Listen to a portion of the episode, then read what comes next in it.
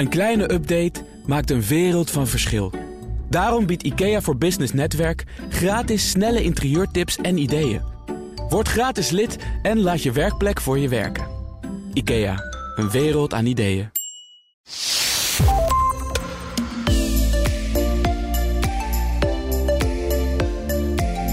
Kan je jezelf vaccineren tegen nepnieuws en je immuun maken? We spraken een paar weken geleden met Sander Duivenstein over nepnieuws. Spelen met de realiteit in tijden van AI, deepfakes en de metaverse.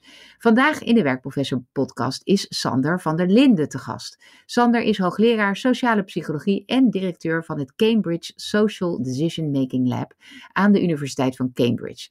Zijn onderzoeken stonden onder andere in Nature and Science. Hij werkte samen met de premier van het Verenigd Koninkrijk en belangrijke technologiebedrijven zoals WhatsApp, Facebook en Google. Hij spreekt in termen van een vaccin tegen nepnieuws. Sander laat ons kennismaken met dit wonderbaarlijke fenomeen en benadert het waarheidsprobleem als een virus. Welkom Sander. Ja, dankjewel voor de uitnodiging. Leuk dat je hier bent. Ik, uh, ik hoorde jou op de radio en ik dacht meteen van, oh, dit vind ik echt super interessant. Hoe kwam je eigenlijk op de metafoor van het virus in het kader van nepnieuwsbestrijding? Ja, nou, lang voor de pandemie waren we eigenlijk al bezig met het bestuderen van hoe informatie zich verspreidt. En toen bleek het eigenlijk dat als je dus modellen neemt die in de epidemiologie worden gebruikt om virussen te bestuderen, hoe die zich verspreiden in de populatie, dan blijkt het eigenlijk dat je diezelfde modellen kan gebruiken om te kijken hoe informatie en, en vooral misinformatie zich verspreidt op uh, sociale media. En die modellen kan je dus heel goed gebruiken. Um, af en toe moet je ze dan een klein beetje aanpassen. Uh, maar eigenlijk is het dus vrij letterlijk dat die modellen laten dus zien dat informatie en misinformatie, um, uh, vooral misinformatie, uh, zich net verspreidt als een, uh, als een virus op sociale media. En toen zaten we dus ook te denken van als het zich zo verspreidt als een virus, kan je dan ook mensen vaccineren. Ja, um, het NRC uh, schreef begin april 2023 over jouw aanpak het volgende. Gebruikers leren min manipulatie en desinformatie herkennen aan de hand van indicatoren als emotionele taal, contradicties en valse tegenstellingen. De techniek maakte de afgelopen jaren furoren, maar is niet onomstreden. Het vaccineren heeft effect, maar beperkt en kalft weer af zonder het toedienen van boosters. Fact-checkers die achteraf toeslaan, hebben bovendien soms moeite met het idee om mensen alvast een kleine dosis desinformatie toe te dienen. In zijn nieuwe boek, in jouw nieuwe boek, Immuun voor nepnieuws, dat al eerder in Engeland verscheen, zet Van der Linden, schrijft het NRC dus, de wetenschappelijke theorie achter pre-bunken uitgebreid uiteen en geeft hij een handzame lijst van elf antigenen om de verspreiding van misinformatie te voorkomen. Onder, onder meer bijvoorbeeld vermijd filterbubbels en beloon nauwkeurige informatie. Nou, dit klinkt uh, super interessant voor ons. We gaan met jou de diepte in van wat betekent dit nou eigenlijk en ook wat kunnen we hiermee doen in het bedrijfsleven. Ja. Um, kan je iets meer uitleggen over hoe dat pre-bunken werkt en of je inderdaad die die booster, nou gelukkig weten we nu sinds corona wat we daar allemaal mee bedoelen, maar misschien kan je even goed uiteenzetten van waar gaat dit nou eigenlijk echt over? Ja, ja. pre-bunker, dat is een beetje de populaire naam die we eraan hebben gegeven. De, de wetenschappelijke term is de, de, de inentingstheorie. Um, en dat gaat er dan eigenlijk over dat je mensen van tevoren inent tegen desinformatie of de technieken die worden gebruikt om, om desinformatie te verspreiden. En je noemde al een paar van die technieken.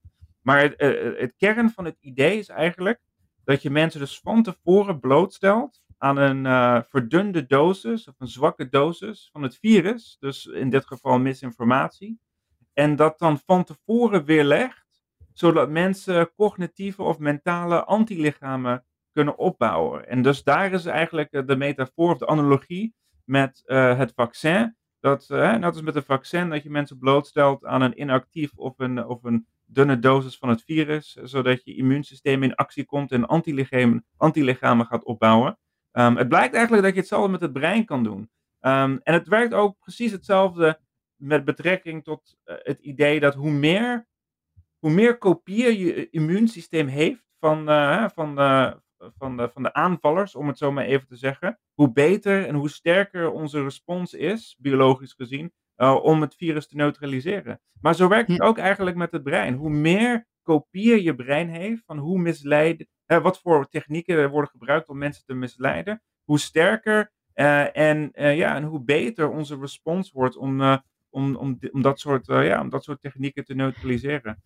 En hoor ik jou nu eigenlijk zeggen dat je, kijk, als ik, als ik een booster ga halen of een vaccin, dan weet ik dat van tevoren. Ik ga er naartoe, ik weet, ik word nu gevaccineerd en de komende week heb ik daar wellicht wel een beetje last van. En daarna ben ik er extra eh, tegen beschermd. Weet je dat ook met het uh, vaccineren zoals jullie dat doen? Dat je zegt, je gaat nu nepnieuws zien en let daarop, of hoe werkt dat? Ja, ja, het is wel interessant, hè? Want sommige, sommige uh, mensen, vooral uh, die, die meer aan het uh, complotdenken spectrum zitten, die zeggen van, oh ja, maar je bent stiekem mensen in aan het enten en zo. maar, maar zo werkt het natuurlijk niet. Want zoals je zegt, mensen die, hè, we zijn er heel expliciet over en het is heel transparant. Dat, het werkt inderdaad zo dat je mensen zegt, tegen mensen zegt, hè, er zijn, hè, mensen worden online gemanipuleerd. Er zijn bepaalde technieken die daarvoor worden gebruikt. Je kan mensen polariseren met bepaald taalgebruik. Ik kan op jouw emoties inspelen om je iets te laten voelen en iets te laten geloven. Ik kan een complottheorie bedenken. er zijn dus een aantal van die technieken. En wat we nu gaan doen, is jou blootstellen aan een uh, ja, verdunde, zwakke dosis van dat soort technieken. Zodat je inderdaad die antilichamen kan opbouwen. Dus het is heel transparant. En ja, als mensen daar niet aan mee willen doen, dan hoeft dat ook niet natuurlijk. Maar het is, net, het is inderdaad in die zin een beetje hetzelfde. Net als je een vaccin gaat halen, dan weet je van tevoren uh, wat, uh, wat, uh, wat er gaat gebeuren. En ja, hier is, het, hier is het vrijwel hetzelfde. En af en toe is het ook een beetje ongemakkelijk de eerste keer. Dat denk je, oh, ik word nu blootgesteld aan, aan, aan, aan een beetje misinformatie. Dat is, dat is niet zo lekker. Uh, maar, nee, dan, maar, dan maar dat worden we natuurlijk de hele dag. Ja, ja, ja. maar dan later heb je wel die immuniteit. Dus dat, uh, dat of in ieder geval... Dat is dan weer een voordeel. Ja, ja. ja, ik zou me kunnen voorstellen dat, ja, bij mij komt er dan meteen op, uh, dit zouden we misschien wel op moeten nemen, standaard in onderwijsprogramma's. Want een van de dingen waar ik me voor het bedrijfsleven ook in zorgen maak, is hoe zorg je dat jouw medewerkers ook goed onderscheid kunnen maken tussen nepnieuws en echt nieuws. Ook omdat ik nu vind dat we nog te naïef zijn dat we denken dat staat een beetje buiten de organisatie. Hè? Dus het gaat vooral over politiek en over uh, meningen over vaccineren of niet vaccineren. Maar we gaan diezelfde dynamiek natuurlijk ook krijgen over bedrijfsinformatie van ja, ik geloof dit niet of ik geloof dit wel. Terwijl je toch graag wil dat je medewerkers geloven dat wat ook echt waar is, denk ik. Ja. Um, hoe, hoe stel jij je dat voor? Wat, wat is de methode om dit grootschalig uh, in te voeren? Ja, we hebben een aantal initiatieven gedaan en er is veel meer dat nog gedaan moet worden. Um, en um, de eerste stap die we gemaakt hadden was eigenlijk om met een Nederlands bedrijf uh, aan de slag te gaan uh, om um, games te maken. Dus we dachten, nou, mhm. in, in het laboratorium gaat het natuurlijk zo, iemand komt dan het lab in en dan, dan uh, vertel je ze van tevoren wat dingen en dan lezen ze wat over manipulatietechnieken en dan laat je mensen achter de computer zitten om met nepnieuws bezig te gaan en dan vind je dat ze het minder geloven. Maar ja, maar hoe breng je dat dan de wereld in? Want ja, mensen gaan natuurlijk niet, kunnen niet iedereen naar het lab krijgen natuurlijk. Dat, dat werkt zo niet. Um, maar vaak eindigt het dan ook een beetje daar voor de wetenschap. Maar wij dachten, laten we, die, laten we het proberen te overbruggen, om het zo maar even te zeggen. Om wat, hoe kunnen we dit in de realiteit brengen? En toen hadden we een, een, een, um, een, Nederlands bedrijf, Drog, en een uh, designstudio, Goes Mansen, uh, daar waar we mee aan het samenwerken. En het idee was om, uh, om games te gaan maken, zodat het ook leuk voor mensen was om, om zelf hieraan mee te doen. En die games zijn eigenlijk een soort van simulatie van social media. En dat was toen ook nog vrij nieuw, dus al een aantal jaar geleden. Maar we, we dachten, ja, we hebben geen toegang tot de software van die social media bedrijven. Dus hoe lossen we dat dan op? Nou, dan simuleren we onze eigen social media feed. Eigenlijk hadden we dan een beetje dat uh, Twitter uh, nageaapt, om het zo maar even te zeggen. Um, dus het is een soort van, uh, van, van Twitter feed. Um, en daar worden mensen dus eigenlijk blootgesteld aan ja, verzwakte doseringen. Verzwakte doseringen van die technieken. En dan kunnen ze daar zelf mee aan de haal. In een gecontroleerde omgeving waar wij natuurlijk de, de, de dosis bepalen. Zodat, en het is allemaal fictief natuurlijk. Het is niet echt nepnieuws. Maar zodat mensen ja, toch kennis krijgen van die technieken, er zelf mee aan de slag kunnen gaan. Dat noemen we dan actieve inoculatie. Dat in plaats van dat dat passief aan jou wordt toegediend, dat je eigenlijk zelf die, die bouwstenen en antigenen gaat, uh, gaat, op, uh, gaat opbouwen. Want je zit er zelf mee aan de slag. Dus een voorbeeld daarvan is, er zijn een aantal um, ingrediënten die in de complottheorie gaan. Um, en het maakt eigenlijk niet uit. Je kan met die ingrediënten kan je uh, Kun je er een paar noemen voor ons om een beeld te krijgen? Ja, ja. een paar van die, van die bouwstenen zijn uh, dat er dus uh, kwaadaardige intenties zijn. Hè? Er zijn. Er zijn natuurlijk geen uh, complottheorieën dat jouw vriendinnen zijn, zijn stiekem samen aan het plannen om jou een, een feestje geven voor je verjaardag. Dat soort complottheorieën, dat kom je natuurlijk vaak niet tegen. Dus het is altijd, hè, het is altijd kwaadaardig. Hè? Dus dat ja, er is altijd een doemscenario. Ja, We gaan allemaal ten onder daarmee. Ja, ja, Het is geen verjaardagsfeestje, dus het is altijd... Uh, de, de wereld, uh, iemand is, is de wereld aan het manipuleren en we gaan er allemaal aan. Um, en dat, dat, is, dat, is, dat is één. Maar ook dat het inconsistent met elkaar is. Dat, hè, dus, dus, dus dat het verhaal eigenlijk heel inconsistent is. Dus bijvoorbeeld, een voorbeeld daarvan was een, uh, bijvoorbeeld een documentaire, dat heette Pandemic. Dat was dus dat de pandemic eigenlijk allemaal gepland was en, dat, en zo. Maar dan, dan, krijg je dus twee verhalen te horen. Eén, dat, dat uh, COVID een, een hoax was. Helemaal net. Maar het andere verhaal dat ze dan uh, vijf minuten later vertellen is dat als jij een masker draagt, dat je het virus in je lichaam activeert. Want dat had je al van vorige vaccinaties. Dat hadden ze al stiekem toegediend met, met vorige vaccinaties. Maar ja, hoe kan het nou een hoax zijn en dat je het al hebt van vorige vaccinaties? Dat, dat kan natuurlijk niet. Dus dat soort, uh, dat soort totale uh, inconsistente redeneringen maken ook vaak deel uit van, van de complottheorie. En dat komt dan vaak omdat het niet uitmaakt. Er is een, er is een overkoepelende uh, suspicion dat, er, dat er eigenlijk achter de schermen inderdaad mensen zitten die, die alles een beetje zoals ze dat, zoals hier het noemen, die de strings aan het poelen zijn. Uh, dus dat, ja, die als, die als een soort, uh, die ons als een soort poppen, touw, poppen, uh, ja precies, aan het bespelen zijn. Ja. Ja, ja. En dan is er altijd een slachtoffer natuurlijk, dat is deel van het verhaal, dus je moet een slachtoffer hebben. En dan het omdraaien van, van, van het spelen met correlatie en causatie, dat is ook een, een leuke. Dus bijvoorbeeld als je dus meer COVID-gevallen hebt, waar meer um, mobiele masten zijn, dan ja. redeneer ze dus dat, oh, mobiele masten, dat, dat is de oorzaak van COVID. Maar dat is natuurlijk Precies, dat zijn die zendmasten, hè, daar, waar je met, met 5G, waar mensen de 5G, de zendmasten, ja. Dit, dit heeft heel veel uh, effect. Ja. ja. Ja, dus het is natuurlijk niet zo dat waar meer mensen wonen, meer zendmasten en meer, meer COVID-cases zijn. Want dat is eigenlijk de, de normale redenering, dat dat de verklaring is. Maar dat, maar, dat, hè, dus, maar dat draai je dan om en dan zeg je dus dat, hè, oh nee, de, het is de zendmasten die, die, die COVID veroorzaken. Um, en dat kan je op heel veel manieren kan je dat, uh, kan je dat doen. En een ander voorbeeld daarvan is, is dat, dat noemen we dan de, de conjunction uh, fallacy. Dat is eigenlijk dat een error die mensen maken, dat je eigenlijk denkt dat het meer waarschijnlijk is dat er allemaal verschillende complotten tegelijk gebeuren. Maar als je kijkt naar de kansredeneringen, wat, wat is nou de kans dat, dat, dat, dat alle complotten aan elkaar gerelateerd zijn, als het allemaal zogenaamd verschillende gebeurtenissen zijn? Hè? Dus bijvoorbeeld, er zijn mensen die, uh, die een nieuwe regering willen, een globale regering die dan de wereld uh, bestuurt vanuit een donkere kamer ergens. Maar ook, ook het bedrijfsleven bijvoorbeeld de big pharma's, die zijn ons, die zijn ons allemaal aan, aan het, aan het dupen omdat ze geld willen verdienen met, met de vaccinaties. En dan heb, je, dan heb je allemaal van die verschillende verhalen. En dan de, de, de mensen die in complottheorie geloven, die denken die zei, dat, dat het waarschijnlijk is dat die alle, al die verhalen waar zijn. En hoe meer verhalen je hebt, hoe meer bewijs is dat er een, dat er een complot gaande is. Maar als je er heel logisch naar kijkt en denkt van als het allemaal verschillende complotten zijn, dan de kans dat die allemaal uh, op dezelfde tijd waar zijn, wordt, uh, wordt dus uh, minuscuul. omdat dat, dat, zo werkt het namelijk niet. Laat ik een ander voorbeeld geven voor de luisteraar. je kan het eigenlijk in het boek geef ik dan het probleem dat die dat illustreert. Um, als ik tegen jou zeg, Linda werkt bij een bank. En Linda is heel actief met social justice en ze gaat vaak naar protesten en, en klimaat en zo. maar ze werkt daar ook als, als kassier bij, kassière bij, bij de bank. wat is nu meer waarschijnlijk? dat, uh, dat Linda. Hoe zeg je dat in het Nederland? Een cashier? Eh, bij de kas... Een cashier, of ja, een bankmedewerkster. Ja. Of, uh, ja. Dan zie je maar weer die Nederlanders die naar Engeland verhuizen en dan alle woorden vergeten. Nee, maar dat realiseer me. Ik vind het fantastisch dat je dit in het Nederlands doet. Want ik realiseer me dat je de hele tijd Engelse woorden aan het vertalen bent. Ja, ja. ik heb het ook nog nooit in het Nederlands gedaan. Dus nee. de, de laatste jaren is dat, is dat nieuw voor mij. Dus ja, wat is de kans dat Linda cashier is? Of wat is de kans dat Linda cashier is en dat zij actief is in, uh, uh, in, in, in een bepaalde social justice movement. Nou zeggen, de, zeggen heel veel mensen, vooral mensen die in complottheorie geloven, dat antwoord B uh, uh, meer waarschijnlijk is. Omdat het representatief klinkt van, van de persoonlijkheid van, van Linda. Maar eigenlijk kan dat nooit zo zijn, want de kans dat Linda allebei tegelijk is, is altijd kleiner dan de kans dat het een of het ander is. Want, en het ander is. Ja, ja de, de ene is een subset van, van de andere. Ja. Ja, dus ja, alle banktellers, een klein deel daarvan zijn banktellers en actief in protesten.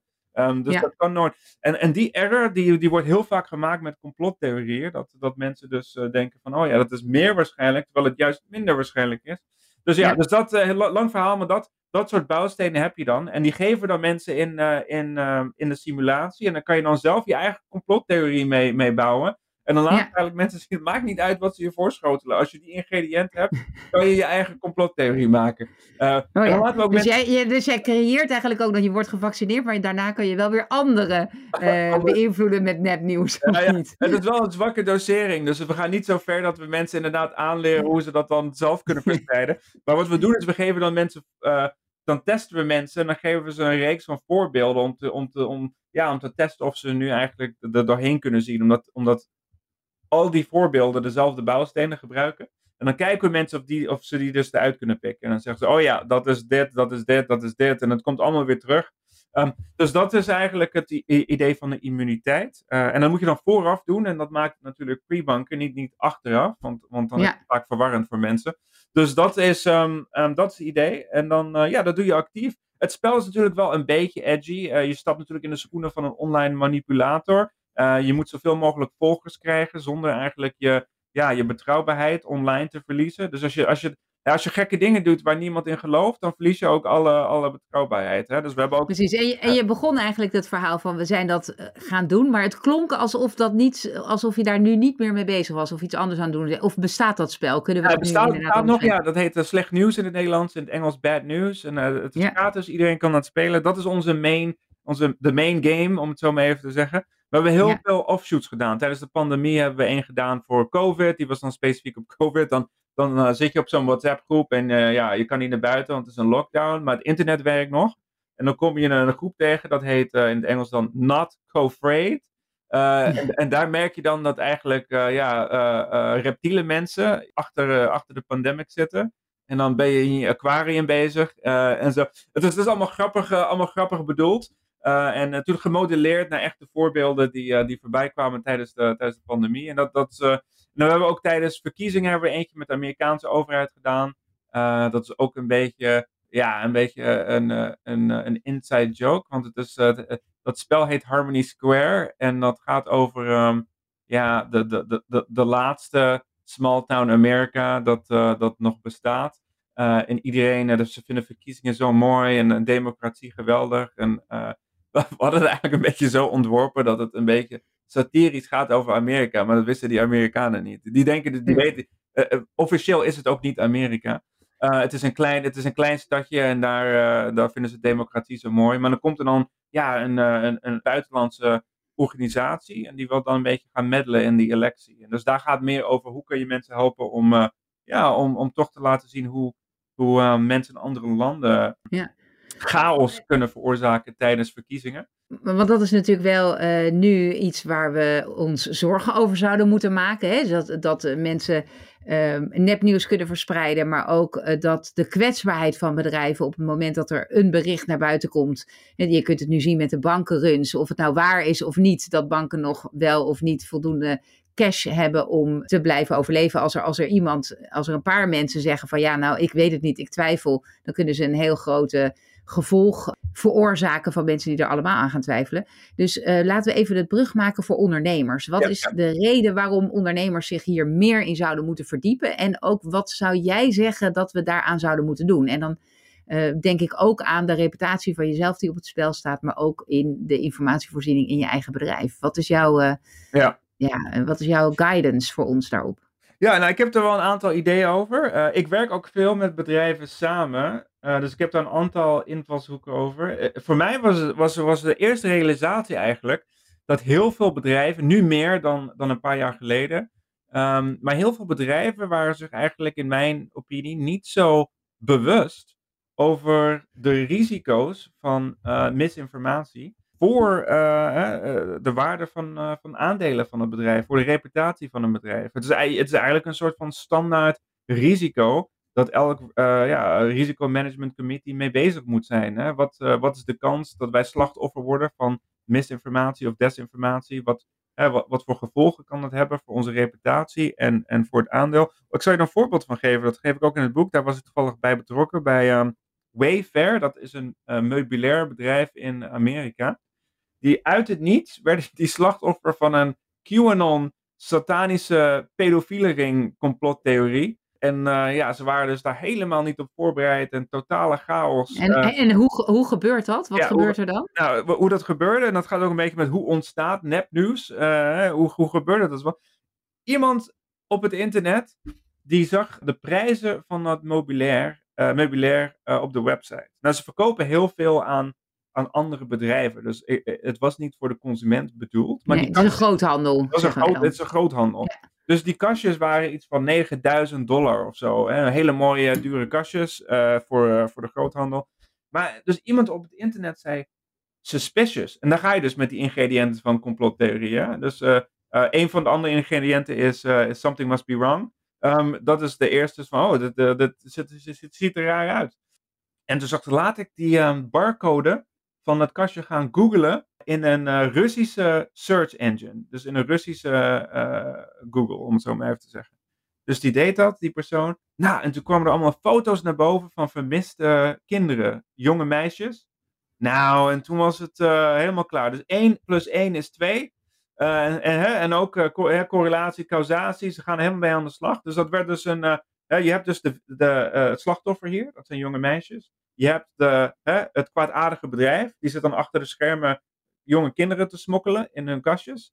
En dan heb je ook, om, uh, even met die andere bijlstenen nog, nog te gaan, dat, het omdraaien van, uh, van uh, causatie. het blijkt dus dat als je die, die barcode in. maakt niet uit wat voor barcode het is. Als je een string van nummers in die search engine gooit, dan kreeg je diezelfde foto's terug. Het was een soort van error dat, dat elke nummers genereerde dan plaatjes van, van, van jonge meisjes op die, op die, Russi op die Russische search engine. Um, dus dat betekende helemaal verder niks. Maar ze hadden dus daar zo'n heel verhaal van gemaakt. Nou, dat ging viraal toen, vooral in de QAnon community eerst. En dan verspreidt het zich naar, uh, naar het grotere publiek. En binnen een paar dagen, nou, als bedrijf kan ik me voorstellen dat je denkt van nu, nu zijn we dus in, in het center van een satanische pedofiele ring. Wat doe je daar aan? Dus ik denk dat heel veel bedrijven denken, nee, maar ja dat is toch onzin, dat gebeurt ons nooit. Maar ja, Hillary Clinton dacht ook nooit dat zij het deel uit ging maken. Uh, dus die satanische pedofiele complot, dat, dat wordt eigenlijk heel makkelijk geadopteerd. Uh, want ze hebben die lens namelijk al. Dus het gaat alleen maar om, de, om het bewijs te vinden. Om de poppetjes, dat jij daarbij betrokken bent. Ja. ja. ja. Dus uh, dat is één voorbeeld. Maar ook Procter Gamble, uh, die, uh, die in de jaren tachtig waren, waren die ook, dat in, die had zo'n de Satanic Panic, zoals ze dat noemden in de jaren tachtig, met Marilyn Manson en zo. Dat was allemaal, iedereen was bang dat Satan had overal een hand in en, dat soort dingen. En um, die hadden een logo en daarin konden mensen dus de duivel zien. En ze konden de horens ook tekenen. En 666 konden ze er dan uithalen. En jarenlang zijn die bezig geweest met complottheorieën over Procter Gamble. Zo erg dat Procter Gamble hun logo moest veranderen om daar vanaf te komen. Dus ik denk dat bedrijven eigenlijk uh, toch wel onderschatten. Dat is één deel van het verhaal. Hoe zij slachtoffer van misinformatie kunnen worden. Laatste voorbeeld dat ik geef was van een, uh, van een uh, chips manufacturer in Afrika. Ergens in de. Volgens mij was Nigeria. Um, iemand verspreidde nepnieuws dat, dat er AIDS in, in de chips zat. Uh, nou ja, dan ga je dus. niemand, niemand koopt je chips Niemand meer, koopt dat meer. Niemand ja. koopt dat meer. En, en Sander, we hebben nu nog een minuut of drie maximaal. Uh, wat, want, want we kunnen zeggen, oké, we, we moeten dat niet onderschatten. Maar dan, moet ik, kan ik iets doen nu? Wat, wat zou ik moeten, ja, wat, welke actie zou ik moeten nemen? Ja, ja. Dus uh, bij Wever zat ik in die meeting en hun verhaal was, oh ja, onze, onze klanten die snappen niet dat wij een ethisch bedrijf zijn. En dat we dat nooit zouden doen. Ik denk, nou, ik denk dat die klanten dat wel snappen. Maar uh, je had ze eigenlijk van tevoren een beetje moeten inenten. En hun maakt natuurlijk, ja, we kunnen toch niet van tevoren mensen gaan inenten dat, dat, uh, dat we misschien wel betrokken zijn bij zo'n pedofiele ring. Zei, nee, dat, dat snap ik. Maar je kan wel, je kan wel een actieve rol spelen om, ja, om mensen eigenlijk te in te enten tegen complottheorieën in het algemeen. Zonder, zonder die voorbeelden te noemen. Maar eigenlijk ja, daar meer een actieve rol in spelen. Um, met social media bedrijven werken, technologiebedrijven werken we vaak samen. Het kan podcasters zijn, het kan, uh, uh, het kan streaming services zijn uh, om, om pre-banken en inoculatie te implementeren. We hebben met YouTube samengewerkt om het in de ad spaces te krijgen, in de video's. zodat je dus van tevoren wordt ingeënt tegen tegen video's die gebruikt Ja, worden. dus, jouw, dus jouw oplossing is eigenlijk dat we allemaal moeten zorgen dat al onze medewerkers, of we, gewoon überhaupt de, de strijd aangaan tegen nepnieuws, wat dan ook een bescherming biedt tegen het feit als we zelf slachtoffer zijn. Ja, dus het is een win-win om het zo maar even te zeggen. Eh, Ja. En dat ook bedrijven ook een rol hebben natuurlijk om, eh, ja, om bij te dragen aan, eh, aan dingen die, die zich, die zich spelen in de samenleving. En dit is natuurlijk ja, een, een manier om daarbij betrokken te, te zijn. De, de jongens die, ehm, die onze video's maakten met die technieken, wat die mij vertelden is dat ze nou op kantoor eh, een spel aan het spelen zijn. Dat elke keer als ze het op de radio iemand gebruik horen maken van die tactieken, dan roepen ze dat uit. En dan zijn ze elkaar dus de hele tijd aan het inenten. En ik denk dat je het zo binnen het bedrijf ook een beetje leuk kan maken. Dat, eh, dat je met werknemers daar zelf aan de slag kan, eh, kan gaan. En ons doel was ook niet om mensen wat, hè, om een soort van saaie media literacy les te geven. Het, het doel was om het leuk en interessant voor mensen te maken. Om niet, om niet te veel eh, mensen te vertellen wat ze moeten te geloven. Maar eh, ja, om, die, om die technieken te identificeren en om elkaar een beetje te helpen. Ik denk dat bedrijven daar een hele grote rol bij, eh, bij kunnen spelen. Oké, dus, dus in ieder geval moeten we zorgen dat we zelf aan de slag gaan met in ieder geval te zorgen dat onze medewerkers en misschien onze klanten of in ieder geval de, our, eh, onze ring van influence beïnvloeden met deze informatie. Iedereen kan deze podcast doorsturen aan elkaar, want daar, dat is al een goede start. En we zullen even zorgen dat in de show notes ook linkjes staan naar die eh, spellen waar je het over had. Is er nog één andere laatste tip die je kan geven aan ondernemers wat ze moeten doen om hier beter tegen bestand te zijn? Nou, één, ik denk één tip voor mij is, eh, is eigenlijk dat het einddoel van het hele programma is natuurlijk eh, kudde-immuniteit of groepsimmuniteit.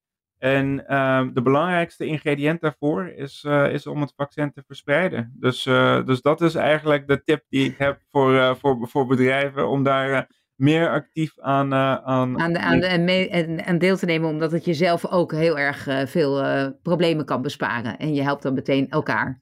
Ja, ja. Uiteindelijk denk ik, hè, bedrijven die, die denken natuurlijk altijd, wat is de bottom line voor ons? En ik denk, uiteindelijk is het ook zelfbeschermend inderdaad. Dus het is een goede investering. En ehm, e- één tip die ik wel snel even mee, mee zal geven is, eh, ik krijg vaak de vraag, ja, maar onze klanten en, wat is nou misinformatie en, en wie bepaalt dat nou en zo.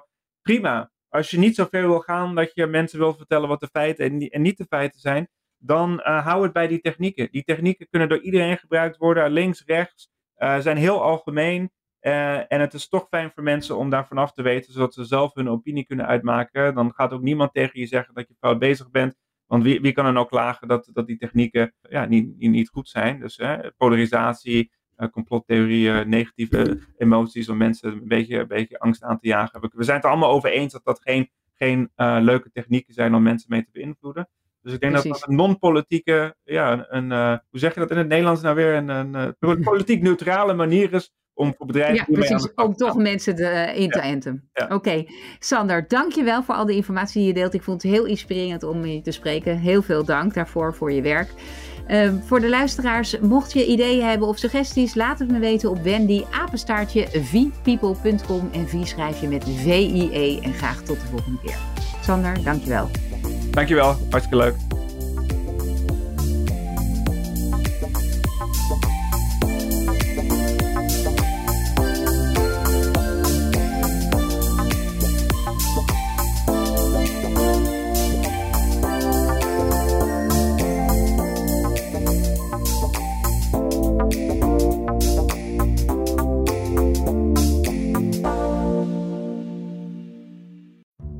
Kleine update maakt een wereld van verschil. Daarom biedt IKEA voor Business Netwerk gratis snelle interieurtips en ideeën. Word gratis lid en laat je werkplek voor je werken. IKEA, een wereld aan ideeën.